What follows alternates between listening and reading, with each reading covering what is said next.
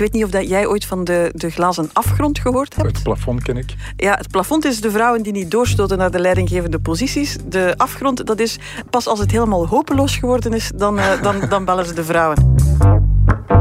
Een zomeravond op de redactie van het Nieuwsblad in Antwerpen. Ik met een fles Belgische wijn, Lisbeth van Impen met drie punten over de actualiteit. Dit is de wekelijkse Actua-podcast van het Nieuwsblad.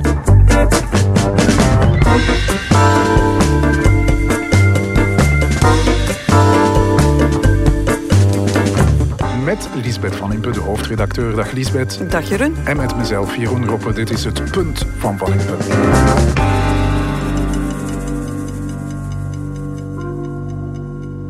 Heb een klassieke wijnfles meegebracht, uh, Lisbeth, met een mooie tekening van een vogel erop. Cinera. Een vogel. Ik zie dat je geen ornitholoog bent.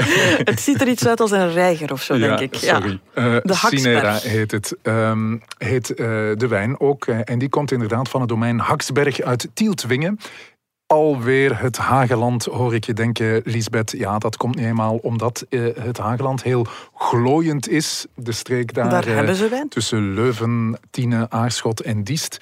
En uh, daar zijn opvallend veel hellingen die uh, veel zon vangen. En uh, dat is dus ook het geval op de Haksberg. Een heel mooi wijndomein met kasteel in Tieltwingen.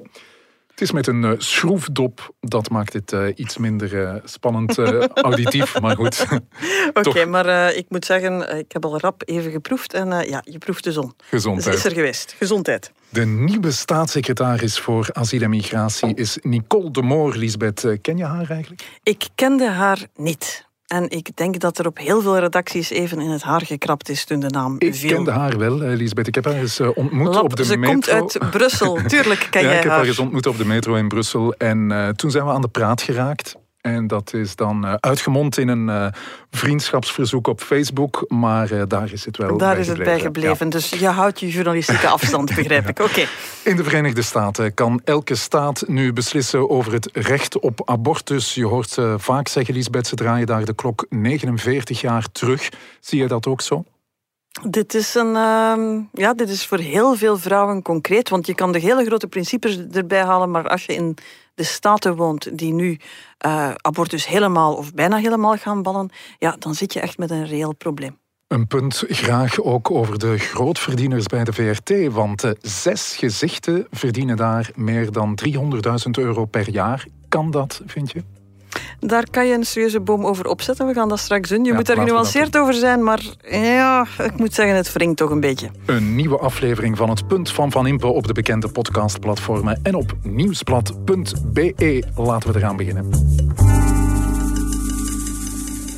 Voor mij een heel bijzonder moment. Ik ben natuurlijk heel vereerd, uh, maar ook heel dankbaar. Uh, dank aan onze nieuwe voorzitter, ook aan Vincent en aan de voltallige partijraad om, uh, om in mij te geloven en om mij die kans te geven om op dit departement verder uh, de handen uit de mouwen te steken. Nicole de Moor volgt Sami Medi op als staatssecretaris voor asiel en migratie. Medi is nu voorzitter van de partij CD&V en iemand moest hem dus opvolgen als lid van de regering. En het wordt zijn kabinetchef Nicole de Moor uit Anderlecht. Ik las dat we zo voor het eerst, Lisbeth, in de geschiedenis meer vrouwen dan mannen in de regering hebben zitten. Ja, op zich kan ik daar alleen maar uh, voor zijn. Dat lijkt mij een goede evolutie. Maar ik ben toch altijd een heel klein beetje wantrouwig. Ik weet niet of dat jij ooit van de, de glazen afgrond gehoord hebt. Het plafond ken ik. Ja, het plafond is de vrouwen die niet doorstoten naar de leidinggevende posities. De afgrond, dat is pas als het helemaal hopeloos geworden is, dan, uh, dan, dan bellen ze de vrouwen. Dus we zitten hier podcast na podcast na podcast te zeggen dat de echte macht in de politiek vandaag bij de voorzitters zit. Tal daar is de vrouwen. Daar Geen zijn er niet veel. ik? Ja. Bij Groen is er een halve. Ja. Ja. Um, nu uh, viel de keuze op een kabinetchef, uh, Lisbeth, en dus geen parlementslid. Dat is ook wel opvallend. Hè? Veel mensen hebben daar problemen mee. Wel, je hebt ene dat het iemand is die opnieuw niet echt verkozen is. Oké, okay, ze was opvolger op de Brusselse lijst. Ze gaat nu trouwens heel snel naar Oost-Vlaanderen verhuizen. Daar waar ook kiezers zijn, want die zijn er in Brussel niet. Maar goed, dat wringt natuurlijk altijd een beetje. Ik moet zeggen dat ik, dat ik vandaag... Ja, vaak zeggen we ministers worden minister van iets waar ze niks van kennen. Hier zit je heel duidelijk met, met expertise. Kan niet anders. Ze heeft dat departement beheerd achter de coulissen, dus ze kent dat door en door. Uh, wat je wel kan snappen is dat er parlementsleden zijn die denken van ja, maar ja, wij doen ook mee aan verkiezingen. Wij zitten in die Kamerfractie. Blijkbaar zitten wij dan toch in de verkeerde wachtkamer om echt te mogen meespelen in een regering. Dus die ontgoocheling kan je natuurlijk wel begrijpen. Ja, Hannes Hendricks die loopt hier ook rond. Uh, hij is politiek reporter voor het uh, Nieuwsblad. En ik uh, zag jou staan, Hannes, gisteren aan de Wetstraat, waar het hoofdkwartier van CDMV ligt. Um, had jij het zien aankomen, Nicole de Moor? Nee, ik denk niemand had het, had het zien aankomen. Hè. Ook omdat er bij de vorige ministerwissel van Jo Broens een aantal richtlijnen zijn afgesproken eigenlijk binnen de CDMV. De volgende minister of staatssecretaris zou een vrouw zijn en zou uit de Kamerfractie komen. Nu goed, dat uh, herleidt het aantal opties eigenlijk tot vijf, vijf namen. Um, en Nicole de Moor is daar niet bij. Ik zit niet in het, uh, in het parlement. Dus binnen die Kamerfractie is er nu wel teleurstelling. Ook omdat dat eigenlijk ja, redelijk um, parlementair zijn met, met een staat van dienst. Die het als hun allerlaatste kans zagen om nog in die regering te komen. We moeten nu eerlijk zijn, het helpt ook niet dat onder andere Hannes en al zijn collega's stukken geschreven hebben om te zeggen van die maakt het meest kans en die maakt dat op de tweede plaats. Ik denk dat er een paar voor de zekerheid al naar de coiffeur geweest waren. Ja, en dan ja, sta je in het beste geval op zo'n op zo'n triestige selfie te blinken om te tonen dat je het wel oké vindt. Ja, Hannes, uh, Sami Mehdi had het... Uh, toen hij het had uh, over Nicole de Moor, over een warme Margaret Thatcher. Moet ik dat een compliment vinden? Uh, zelf uh, zag ze dat alleszins niet echt als een, als een compliment, denk ik. Ze ontweek de vragen er, uh, erover een We beetje. hebben nu trouwens twee vrouwelijke ministers in die zeer vrouwelijke regering, die dus al met Tetje vergeleken zijn. Hè. Eva de Bleker, de staatssecretaris voor begroting, ja. ging de Iron Lady van de begroting zijn. Ik denk dat Thatcher zich nog altijd aan het omdraaien is aan een graf. En dus nu hebben we de warme Thatcher, dat is zoiets als de frivole Frank van den Broeke, de verlegen Georges-Louis Boucher. Iets wat eigenlijk niet echt bestaat. Ja, maar Sammy Media wou daar dus eigenlijk mee bedoelen van ze gaat mijn strenge beleid op asiel en migratie, een centrum-rechtsbeleid, verder zetten. Uh, maar wel met een warme, juiste ondertoon, uh, ja. zo zei Streng maar rechtvaardig, zo noemt hij uh, zijn beleid. De keuze voor de Moor is natuurlijk een keuze voor stabiliteit, voor expertise, zei mij die ook, en voor vernieuwing. Betekent dat dat we meer van hetzelfde gaan krijgen? Ja, toch wel. Hè. Misschien eerst, Nicole de Moor is inderdaad wel een van de, van de echte experten hè, in de wedstrijd op het gebied van asiel en migratie. Ze heeft er een doctoraat over gemaakt. Ze heeft gewerkt bij het Commissariaat-Generaal voor de Vluchtelingen en Staatlozen op verschillende kabinetten die materie behandelt. Dus het klopt, ze is de experte tegelijk vernieuwend. Uh, ja, ze, heeft al, ze was kabinetchef hè, bij, ja. bij Sami Medi de voorbije twee jaar. Dus de verwachting is wel dat ze daar gewoon zijn beleid gaat verder zetten. Dat was trouwens ook een van de redenen waarom ze haar hebben aangeduid en niet een van die Kamerleden ja. die daar zich aan het warmlopen waren. De, de vrees zat daar echt in, bij Sami Medi, ook bij, bij andere partijtoppers, dat die plots een, een, een links- of centrum-links-beleid ja. zouden gaan voeren. Je voelt, je moet het langs twee kanten afhouden. Je hebt aan de ene kant een Theo Franken, die heel snel de nieuwe staatssecretaris zal testen, die asiel en migratie goed kent. Dus je zit er met iemand die ja, niet bij de eerste vraag moet zeggen, ja, daar moet ik zes maanden op studeren. Dus dat is een ongelooflijk voordeel. Aan de andere kant zag je in de opbouw naar, naar de wissel, uh, de groenen die al een schot voor de boeg aan het geven waren, zeiden van ja, jongens, uh, we hopen dat de opvolger toch wat beter luistert. Uh, er moeten toch een aantal dingen gebeuren. Er waren al geruchten van, uh, wees niet verbaasd als er straks een nieuwe hongerstaking is, waarbij een staatssecretaris eigenlijk getest wordt op, geeft hij toe onder druk, blijft hij weerstand bieden? Kan hij dan een regering verkopen? Ja, ik denk dat daar veel vragen eigenlijk al beantwoord zijn voor ze gesteld zijn. Het zal meer van hetzelfde zijn en dat is volledig de bedoeling. Ja, meer van hetzelfde. Dat betekent ook, uh, Hannes, mensen die uh, nog altijd op straat slapen. Dat is toch uh, het beeld dat je hebt van het beleid op asiel en migratie van de jongste jaren. Hè? Is het dat wel wat we willen? Ja, we hebben afgelopen weekend Sami Medisch rapport gemaakt in de weekendkrant. En inderdaad, over die asielopvang zag dat er toch niet helemaal goed uit. Hè? De federale regering is eigenlijk meer dan duizend keer veroordeeld omdat er mensen op straat slapen die niet op straat horen te slapen. Dat zijn mensen die recht hebben op asiel en ons land slaagt er niet in om die mensen bed, bad en brood te geven. Dus De voorbije maanden, weken heeft Medi daar geprobeerd om een oplossing te voorzien. Maar hij verwees eigenlijk naar de Europese regels. Hij zei, veel van die mensen horen hier eigenlijk niet te zijn. Eh, de instroom moet omlaag, eerder dan zelf naar oplossingen eh, te zoeken. En dat was natuurlijk samen met zijn kabinetchef Nicole de Moor, die nu dat probleem overneemt. Ze heeft nu vandaag op haar eerste persconferentie wel al een eerste ideetje gelanceerd om een nieuw opvangcentrum te gaan bouwen. Maar dat probleem van die asielopvang is voor haar wel de voornaamste taak om op te lossen in de komende weken en maanden. Ja, ondertussen is uh, Sami Medi, uh, Lisbeth, al uh, enkele dagen voorzitter van CDMV. Hoe doet hij het? Wel, waar hij zeer goed in geslaagd is, is het uh, een streep te trekken onder het tijdperk Koens en het verschil te benadrukken. Ik bedoel, als Sami Medi aan het spreken is, dan weet je waar een zin begint en je weet waar hij eindigt. En je hebt op het einde ook begrepen wat dat hij wilde zeggen. Eh, concreet in Plopsaland had hij blijkbaar het voornemen om ongeveer al zijn coalitiepartners toch een kleine eh, klets op uh, rond de wangen te geven. Wel, ze hebben het allemaal begrepen. Dat bleek ook uit de vele verontwaardigde reacties, dat ze begrepen hadden dat ze onder vuur genomen waren. Dus die profilering dat ik stap op een podium, ik heb geen speakbriefje bij en ik zal even de leden enthousiasmeren, dat is helemaal gelukt. Je moet ook zeggen, de wissel naar Nicole de Moor, wat is het voordeel van zo'n wissel die niemand ziet komen? Dan toont een voorzitter eigenlijk van, ik kan iets verzinnen dat de rest nog niet heeft zien komen. Ik heb dat maar met een paar mensen besproken en die hebben een mond gehouden, dus dat is goed voor het vertrouwen. De partij die iets binnenskamers kan houden. Op het einde bij CD&V, ik wil niks afdoen van de kwaliteiten van Hannes, maar het nieuws gutste er gewoon uit. Hij moest zijn telefoon maar opnemen en hij wist wat er aan de hand was. Ik denk dat dat nu weer ietsje moeilijker gaat worden. Dus Frustrerend zelfs. Ja, terug een, ja, ik dat hem helemaal gepakt was, de naam niet had zien komen, op geen enkel lesje stond het, het piekte. Maar dus ja, dat geeft meteen naar heel die partij het signaal van er is terug een voorzitter die de dingen onder controle heeft, die de mensen in de pas doet lopen en die op zijn minst de indruk geeft dat hij een idee heeft van waar we naartoe gaan. Maar ik deelde wel jouw beetje teleurstelling, Hannes, Plopsaland.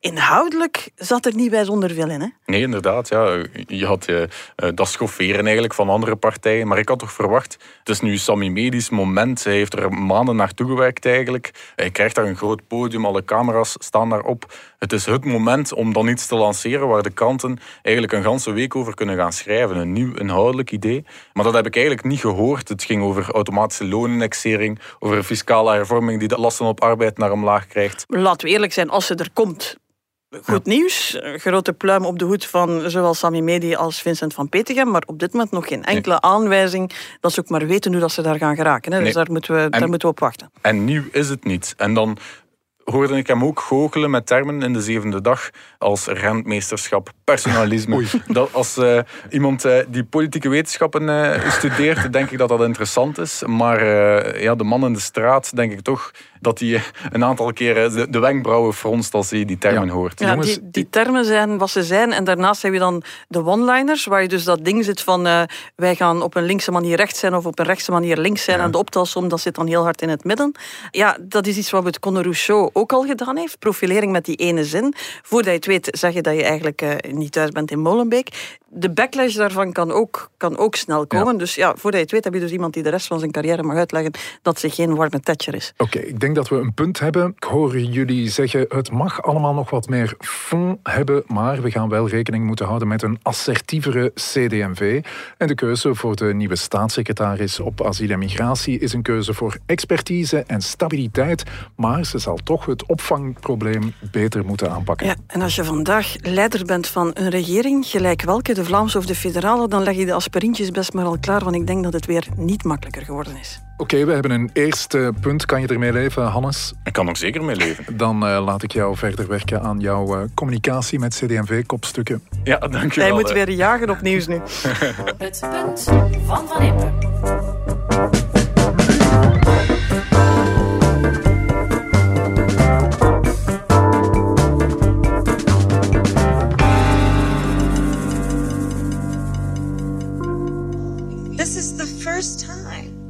In the history of our nation that a constitutional right has been taken from the people of America. Amerikaanse vicepresident Harris die opmerkt dat het de eerste keer in de Amerikaanse geschiedenis is dat een grondwettelijk recht wordt afgenomen van het Amerikaanse volk. Zo zegt ze dat. Ze zegt dat nadat het federaal recht op abortus in de Verenigde Staten is afgeschaft. Dat besliste het Hoge Rechtshof. Daarin zitten conservatieve rechters en progressieve rechters. De vorige president, Trump, die zorgde nog voor de benoeming van enkele van die conservatieve rechters. In sommige staten komt er nu zelfs een totaal verbod op abortus. Uh, Lisbeth, wie denkt dat er nu minder abortussen zullen gebeuren, die heeft het goed mis. Hè? Dat zeggen veel mensen. Dat is wereldwijd vrij goed gedocumenteerd. Als je abortus verbiedt of, of zeer moeilijk toegankelijk maakt, dan gebeuren er eigenlijk twee dingen. Een deel, drie dingen. Je hebt een stuk abortustoerisme voor degenen die, die het zich kunnen permitteren. Die gaan gewoon naar een plek ja, en dat uh, zal waar nu het wel spectaculair mag. toenemen. Dat is de helft van de staten zal zeer strikt worden. De helft van de staten heeft eigenlijk een vrij liberaal abortusbeleid. Dus wie het zich kan permitteren, die verplaatst zich gewoon. Wie het zich niet kan permitteren, daar zie je doorgaans een vrij spectaculaire toename van het aantal illegale en dus vaak ook zeer onveilige abortussen. De spreekwoordelijke achterafkamer met de spreekwoordelijke halve dokter en de spreekwoordelijke kleerhanger meer moedersterfte, meer onveilige abortussen. En de laatste groep die vindt helemaal geen uitweg. En daar zie je dat er kinderen geboren worden waarvan de ouders de moeder al eigenlijk voor de geboorte weten dat er geen enkele manier is waarop ze op uh, treffelijke omstandigheden dat, dat kind kan opvoeden met ook alle gevolgen. En het straf, Elisabeth, is dat het vooral de arme staten zijn waar een uh, abortus nu moeilijker wordt. Hè. Dat zijn uh, juist de staten waar de vraag het grootst is. Dat zijn die rode staten in het binnenland vaak. Je ziet ook, het is ook echt voor een stuk een sociaal fenomeen. Je ziet bijvoorbeeld meer abortussen bij Latina-vrouwen, bij zwarte vrouwen. Niet omdat dat een raciaal gegeven is, maar omdat dat puur een sociaal gegeven is. Nog iets om mee te nemen sinds abortus legaal is in de Verenigde Staten. Intussen toch bijna 50 jaar geleden. Eerst zag je een stijging door betere registratie. Daarna zag je het naar beneden gaan. Het is nooit meer naar beneden gegaan. Ze hebben nooit minder abortussen gehad dan toen Obamacare werd ingevoerd, waar eindelijk een provisie in stond dat uh, de ziekteverzekering ook anticonceptie zou ja. dekken. Je zit hier in een land dat uh, krakkemikkig is in zijn gezondheidsstructuur, in zijn ziekteverzekering, waar dus ook de toegang tot anticonceptie een stuk uh, lastiger is. Dat ook heel weinig sociale voorzieningen heeft. Dus die kinderen die geboren worden in extreme kansarmoede, daar is niks van vangnet voor. Dat kan bijna alleen maar fout lopen. En daar ga je dan ook nog eens het recht op abortus gaan, gaan, gaan, gaan beperken. Lisbeth, is dit uh, nu een uh, zegen voor de vorige president uh, Donald Trump? Komt hij hier nu sterker uit? Wel, het is een beetje dubbel. Er zijn geruchten, als je naar de Amerikaanse kranten kijkt, dat Donald Trump zelf een beetje twijfelt of dit wel een, een, een goede zet is. 70% van de Amerikanen zijn eigenlijk intussen voor het recht op keuze, voor het recht op abortus. Dus dat is een, dat is een overweldigende meerderheid. Ja. Er is een redelijke groep van fundamentalistische christenen die daar heel hard tegen is, heel rabiaat tegen is, die daar het nek plus ultra van gemaakt heeft, maar het overgrote deel van de Amerikanen was mee. Dus Trump twijfelt wel een beetje ja. of dit nu de zaak is die Want goed met is. die vertegenwoordigers van die uh, christelijke strekkingen had hij een deal gesloten. Wel, dat is... Enfin, we noemen altijd het pact met de duivel vanuit die christelijke bewegingen, maar het gaat een beetje in de twee kanten, want we weten dat Trump geen zeer moreel mens is. Hè. Morele bezwaren tegen abortus heeft hij bij mijn weten nooit gehad. Maar hij heeft natuurlijk net als zijn partij, een soort van eeuwigdurende alliantie gesloten met die christelijke fundamentalistische groepen, die al bewezen hebben dat ze de kiezers naar de stembus krijgen, dat ze in staat zijn om hem staten en stemmen te geven. Uh, dus hij heeft daar van alles aan beloofd. De ja. Republikeinse Partij heeft daar van alles aan beloofd en dat hebben ze nu wel waargemaakt. En die hebben nu uh, meer uh, vertrouwen. Ik vraag mij af, what's next, Lisbeth? Het, het homohuwelijk, ik zeg maar iets? Wel, het is gewoon expliciet gezegd. Hè. Dus die rechters die motiveren een beslissing. En Clarence Thomas heeft meteen gezegd van ja, dit is nog maar het begin. De grondwet zegt bijvoorbeeld ook dat je het recht hebt om anticonceptie te kopen. Je hebt het recht om als holoby te huwen. In alle 50 staten. Geen enkele staat mag vandaag holobyseks verbieden. Ik kan niet zeggen van ja, de oude sodomie-wetten, noem maar op, uh, dat gaan we terug invoeren. Vandaag is dat allemaal gegarandeerd door het Hooggerechtshof. En die conservatieve rechters hebben al gezegd, daar gaan we nu achteraan, want dat willen wij ook allemaal afschaffen. In een groot deel van Amerika zal niemand daar last van hebben, omdat je in staten zit die zeggen van ja, maar ja, wij blijven toch gewoon liberaal-progressief al die rechten garanderen. Maar in een aantal staten kan het uh, bepaald ongezellig worden. Het geeft aan hoe uh, gepolariseerd de Verenigde Staten zijn. Hè? Lisbeth, zou dit nu ook in België kunnen, denk je? Het is een heel typisch Amerikaans verhaal. Hè. Ik bedoel, het is de combinatie van een, een heel cynische politieke strategie, gebaseerd op die polarisering. En dat gaat dan hand in hand met die, die zeer fundamentalistische religieuze agenda, waar wij eerlijk gezegd in België toch ook niet heel veel sporen van zien. Ik denk, uh, enkel bij Vlaams Belang zie je eigenlijk een heel restrictief standpunt over, over, abortus. Zij zeggen ja, als het leven van de moeder in gevaar is en, en oké, bij verkrachting en, en, en, ja, en de burgemeester van Wezenbeek-Oppen misschien ook. Daar was die ene liberaal die plots uh, vond dat het, uh, dat het toch ook wel een goede zaak was wat er in de VS gebeurd was. Uh, dus je ziet hier en daar wel stemmen opgaan, maar de consensus is eigenlijk dat wij begin jaren 90 die stap gezet hebben en die niet gaan terugdraaien. Ik vond dat heel opmerkelijk. het zat in de eerste interviews van Sami Medi, die toevallig op diezelfde dag waren Voorzitter van CD&V. En die zei van nee, nee, wij gaan niet terugdraaien. CD&V zit nu niet te springen om uit te breiden, wat nu ook weer een vraag is. In België mag het tot 12 weken. Er zijn pleidooien om naar 14 of naar 20 weken te gaan. Je voelt, CD&V zit daar niet om te springen, maar ze slaan die deur zelfs niet onmiddellijk dicht. Ik hoorde zelfs een van de CD&V-parlementsleden, Els van Hoof, ervoor pleiten dat we misschien in Europa een soort van recht op abortus moeten hebben. Maar je ziet dat bijvoorbeeld in Polen dat wel onder vuur ligt. Dus ik denk, het debat zal hier ook wel weer aangewakkerd worden. Het zal weer onder de loep genomen worden. Maar de Amerikaanse toestand is heel specifiek, omdat het zowel inhoudelijk, religieus als politieke strategie is. En die kan je niet naar, naar hier zomaar uh, exporteren natuurlijk. Lisbeth, welk punt maken we hier van? De klok in de Verenigde Staten is teruggedraaid tegen de wil van de meerderheid van de Amerikanen. Iets wat uh, in België natuurlijk niet snel uh, zal gebeuren. Nee, maar waar je toch ziet dat ook hier heel veel mensen zich plots realiseren dat verhaal dat we voor onszelf vertellen, dat we strijden voor gelijke rechten, dat er veel over gediscussieerd wordt, dat er ook veel moet over gediscussieerd worden, dat je het over voorwaarden en randvoorwaarden en termijnen kan hebben, maar dat eens zo'n recht verworven is, dat we als maatschappij eigenlijk allemaal samen mee opschuiven. En het na een tijd zelfs bijna ondenkbaar vinden om dat terug in vraag te stellen. Ik denk dat daar de VS wel een soort van wake-up call zijn. Dat als je de perfect storm van politiek cynisme en religieus fanatisme krijgt, dat je nooit zeker kan zijn dat die rechten ook echt verworven en verankerd zijn. Het punt van Van Impe.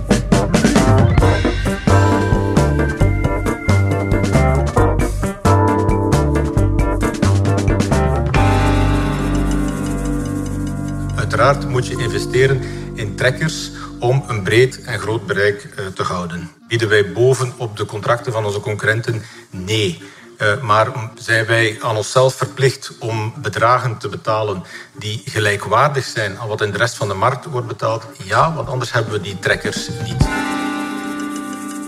Frederik Delaplace, de CEO, is dat van de VRT over de exclusiviteitscontracten bij de VRT, de openbare omroep, hebben 19 mensen een exclusiviteitscontract. Elf van die mensen verdienen daardoor tussen de 100.000 en de 300.000 euro per jaar. Zes medewerkers verdienen zelfs meer dan 300.000 per jaar. Je moet dat nog eens benadrukken, want meer dan 300.000 per jaar kan dus ook veel meer zijn. Hè? We hebben geen flauw benul hoeveel het juist is. Heel veel geld. We hebben het dan uh, waarschijnlijk over de Tom Waassen en de Jeroen Meusen van, van uh, deze wereld. Dat zijn de speculaties die passeren, inderdaad. En dan weet je ook, ja, het gaat over vakmannen, het gaat over mensen die programma's maken waar heel veel volk naar kijkt. En kijk, het zijn we gaan, trekkers, hè, zo we gaan straks genoeg kritiek geven op die situatie. Je moet beginnen met te zeggen, als je het meent dat een openbare omroep sterk moet zijn en voor heel veel Vlamingen een referentie moet zijn, dan moet je ook kunnen uh, heel populaire figuren aantrekken. Als je zegt van ja, enkel de voorzitter van een lokale schaakclub mag daar een heel stoffig programma presenteren, waar alle intellectuelen alle vier blij mee zijn. En vanaf dat er vijf man kijkt, moet het transfereren naar een commerciële zender. Ja, ik snap iedere CEO die komt bepleiten van jongens, laat mij een zender bouwen waar ook een FC de kampioenen zit en waar ook populaire een Tom Waas en een Philip Geubels zitten. En want dan, valt, dan kijken mensen. Dan valt al heel snel de uitdrukking if you pay peanuts, You get monkeys. Ja, en dus ja, ik, ik dacht ik ga nog twee zinnen verder geraken in steun aan de VRT. Maar ja, dus dat is dus een zin waar ik echt de kriebels van krijg. Dat wordt altijd gezegd als het over hele hoge lonen gaat. Hè. Laat ons eerlijk zijn, een, een, een zakje peanuts, dat kost 5 euro of zo. Of 4 euro met inflatie, ik weet het niet.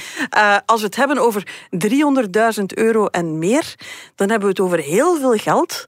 Waar als het een beetje minder zou zijn, dat je nog altijd over heel veel geld spreekt. We hebben ooit gehad en gezegd gezegd dat er voor overheidsbedrijven een soort van premiernorm moet zijn. Niemand mag meer verdienen dan de premier. Met inflatie zou ik nu even niet weten, maar dan, dan zit je nog altijd niet aan 300.000 euro. Je hebt het hier over echt heel veel geld. En dan moet je je gaan afvragen, ja, moet een VRT gaan opbieden tegen anderen bijvoorbeeld, om dan zo'n schermgezichten te hebben en te houden? Ja, bij die zes uh, grootverdieners, uh, Lisbeth, kunnen we wel uh, enkele namen bedenken, denk ik. Maar ehm, er komt me niet direct een vrouw voor de geest. Er zit geen enkele vrouw bij, denk ik. Ik heb in alle speculaties geen vrouwen gehoord. Ook bij de 19 schermgezichten hebben ze wel gezegd, daar zitten vier vrouwen bij. Dat is eigenlijk ook heel weinig. En Siska Schutters, ik moet zeggen, alle lof voor haar, heeft daar uh, als medewerker van de VRT toch even de kat de bel aangebonden en erop gewezen dat uh, zeer vooruitstrevend beleid van de VRT om de beste mensen aan zich te binden en uit te spelen, dan toch blijkbaar ook de inschatting met zich meedroeg dat er bij zonder weinig vrouwen bij waren die dat... Uh... Voor alle duidelijkheid, uh, zij heeft niks tegen de hoge bedragen, zegt ze. Ik vermoed dat ze ook wel uh, bij, Ik mag die hopen dat Siska goed betaald wordt. Ja, maar ze zegt wel, ja, voor de VRT is een vrouw minder waard dan een man, hè? Dat zou je kunnen uh, afleiden, tenzij dat de VRT het punt wil maken dat de beste tv- en radiomakers toch nog altijd mannen zijn, maar dat lijkt mij ook een problematische. Dat wordt dan ook, als ik Frederik de Laplace bezig hoor, een beetje verdronken in zo de hele pool van diversiteit. Van ja, we moeten diverser en jonger en we zouden graag nog ook iemand hebben met een fysieke handicap en noem maar op. Ja, terwijl je gewoon ziet van, zelfs in de meest basic categorieën zit die verdeling niet goed. En waar het eigenlijk om draait, daar is... De VRT zegt de hele tijd, we zijn marktconform. Dat is een beetje een gek woord, want met maar een paar spelers in Vlaanderen bepaalt de VRT mee de markt. En dat is eigenlijk wat je zou verwachten dat ze ook zouden doen. Dat ze vrouwen en andere groepen die het moeilijker hebben om die mooie exclusiviteitscontracten te versieren, dat ze die in de markt zouden zetten, dat ze die in beeld zouden brengen. Dus hoge bedragen geven waarvan je kan afvragen, moet dat allemaal met belastinggeld? En dan nog de kans missen om daar de markt mee vorm te geven voor de groepen die het daar moeilijker hebben, ja, dan ben je als openbare omroep iets minder die behoeder van alle nobele waarden die de VRT graag in het uh, vaandel voert. En dan lijk je soms een beetje verdacht veel op zo'n commerciële zender. Is jouw punt nu, hoge bedragen, allemaal geen probleem, maar het mag wel iets minder zijn? De VRT mag investeren in populaire programma's en populaire gezichten en die kosten geld. Maar doe niet alsof alles onder 300.000 euro waanzinnig weinig is. Dus let een beetje op als je zegt dit is uh, veel te weinig. En zorg vooral dat het diverser is en dat je daar ook meer risico's neemt en dingen in de markt zet. Het punt van Van Impe.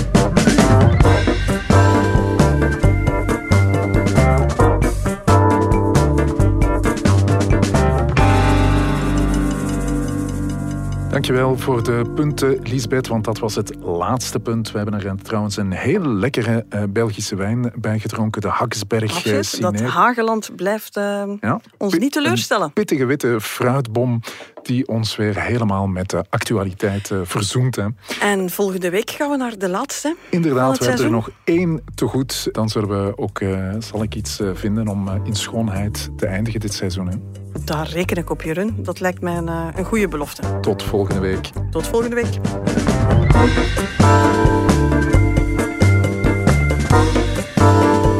Dit was het punt van Van Impe, een podcast van het Nieuwsblad. Je hoorde de stemmen van hoofdredacteur Lisbeth Van Impe, van politiek reporter Hannes Heindriks en van mezelf, Jeroen Roppe. Dank aan de VRT voor de audioquotes, aan Pieter Schevers voor de muziek en aan Pieter Santens van House of Media voor de montage. De productie was in handen van Eva Michom. Tot het volgende punt van Van Impe.